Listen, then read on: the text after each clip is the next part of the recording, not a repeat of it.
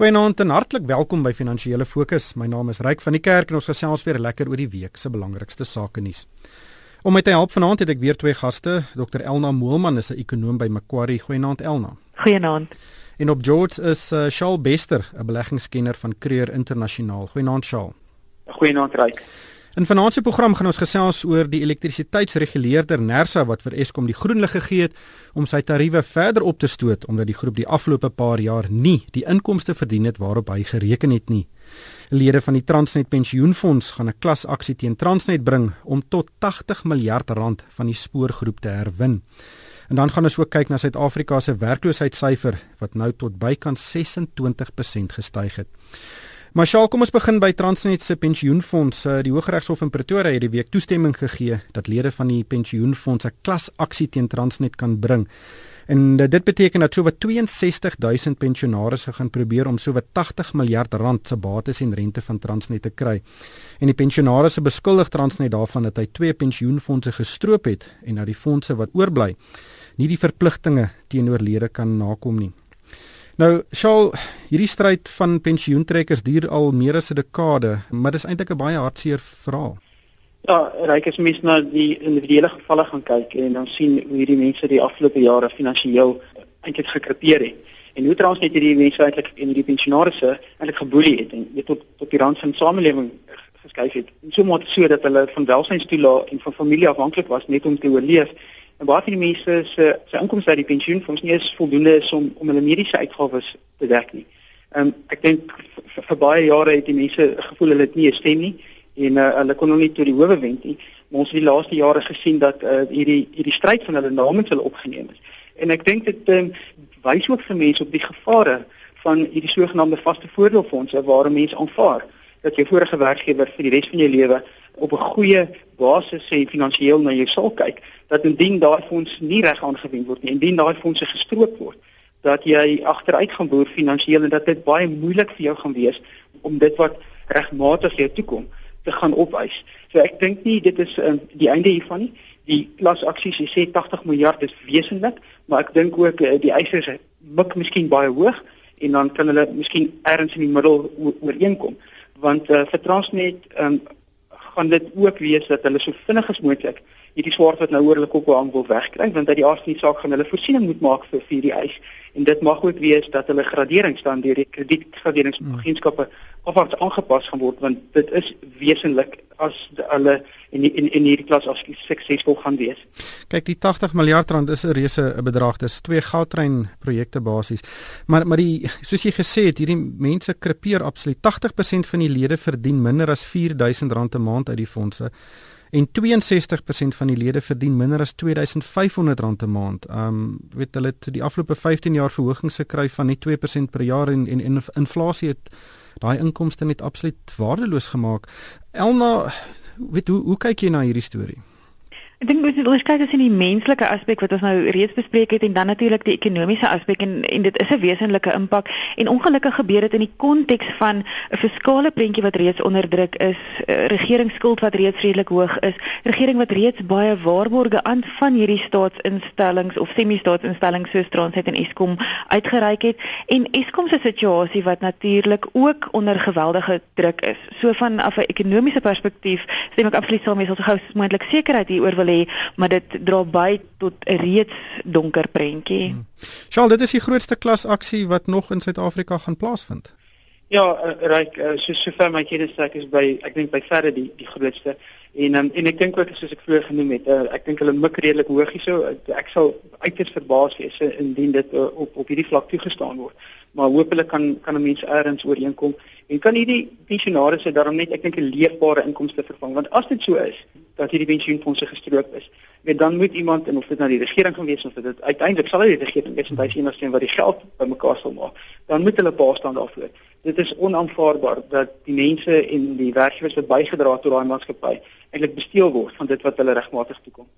Ons sal daai storie verseker fyn dophou. Elna, dan het Nersa ehm um, bietjie ingegee aan Eskom ehm um, wat 'n bietjie bakkant gestaan het voor die reguleerder. Ehm um, en en die reguleerder het bepaal dat uh, Eskom 'n bykomende 8 miljard rand van verbruikers kan invorder omdat sy verkope die afgelope paar jaar laer was as waarop hy gereken het.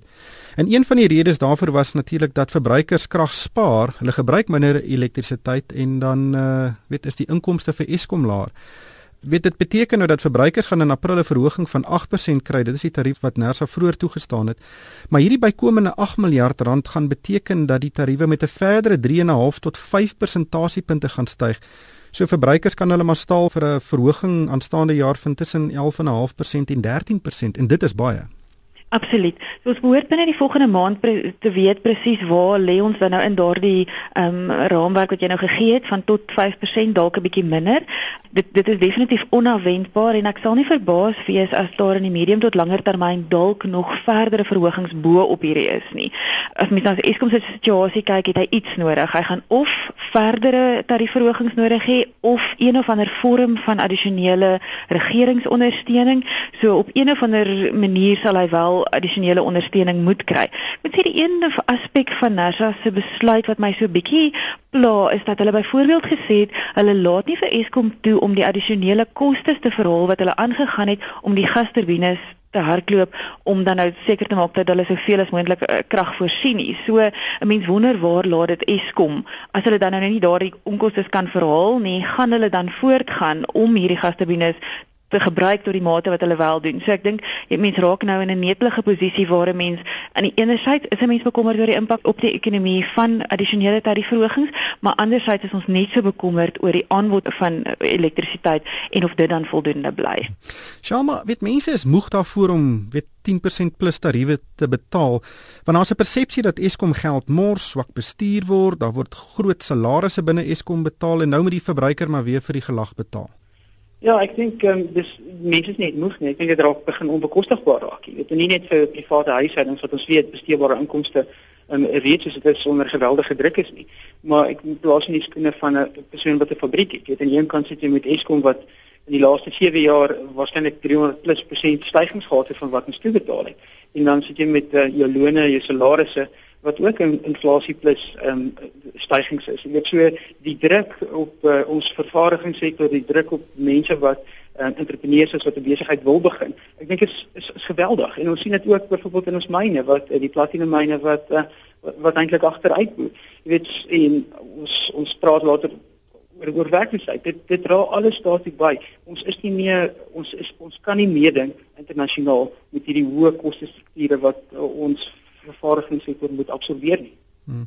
Elna weet Eskom sit ook in 'n situasie waar weet hulle moedig mense aan om elektrisiteit te bespaar en dan bespaar uh, daai verbruikers die die elektrisiteit gewoonlik in die dag wanneer die son skyn um, en dit beteken dat die munisipaliteite en Eskom minder geld kry maar gebruik hulle nog steeds baie elektrisiteit oor die piektye. Wat beteken dat Eskom moet nog steeds in die piektye 'n geweldige hoeveelheid elektrisiteit lewer. Uh, dit is ook 'n interessante situasie van Eskom se perspektief af.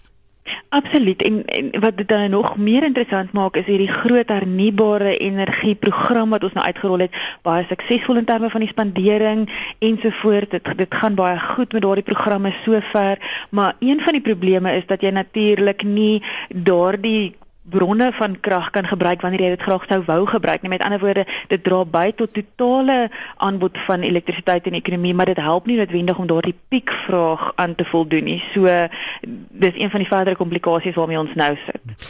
Elna, kom ons praat oor werkloosheid. Dit is vir een van Suid-Afrika se grootste probleme en Statistiek Suid-Afrika het hierdie week bekend gemaak dat die werkloosheidskoers van 25,2 tot 25,5% toegeneem het en die aantal mense wat nou werk soek, maar nie werk kan kry nie, het met 90000 tot 5,2 miljoen gestyg. Um dit is werklik 'n skrikwekkende syfer.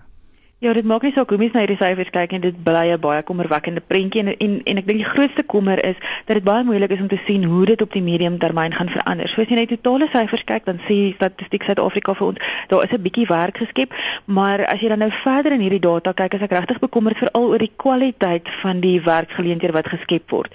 Met ander woorde, baie van die werk wat ons gesien het wat geskep is in hierdie kwartaal was in die informele sektor gewees en as ons dit dan uitsluit en die uh, werksgeleenthede wat geskep is deur private huishoudings, met ander woorde, mense wat in ons huise werk, dan eh, is die prentjie regtig baie donker. 'n Mens kan ook anders daarna kyk en die gedeelte van die werkskepping uithaal wat deur die regering spesifiek geskep is en ek dink op hierdie stadium is dit nie regtig jou standaard regeringsamptenaar werksposisies wat geskep is nie. Dis meer hierdie uitgebreide openbare werkeprogram. Met ander woorde, dit is mense wat ongeveer R70 per dag verdien. Dis 'n tydelike werk. Dis is nie iemand wat 5 dae 'n week werk nie. Hulle werk gemiddeld so 70 dae per jaar.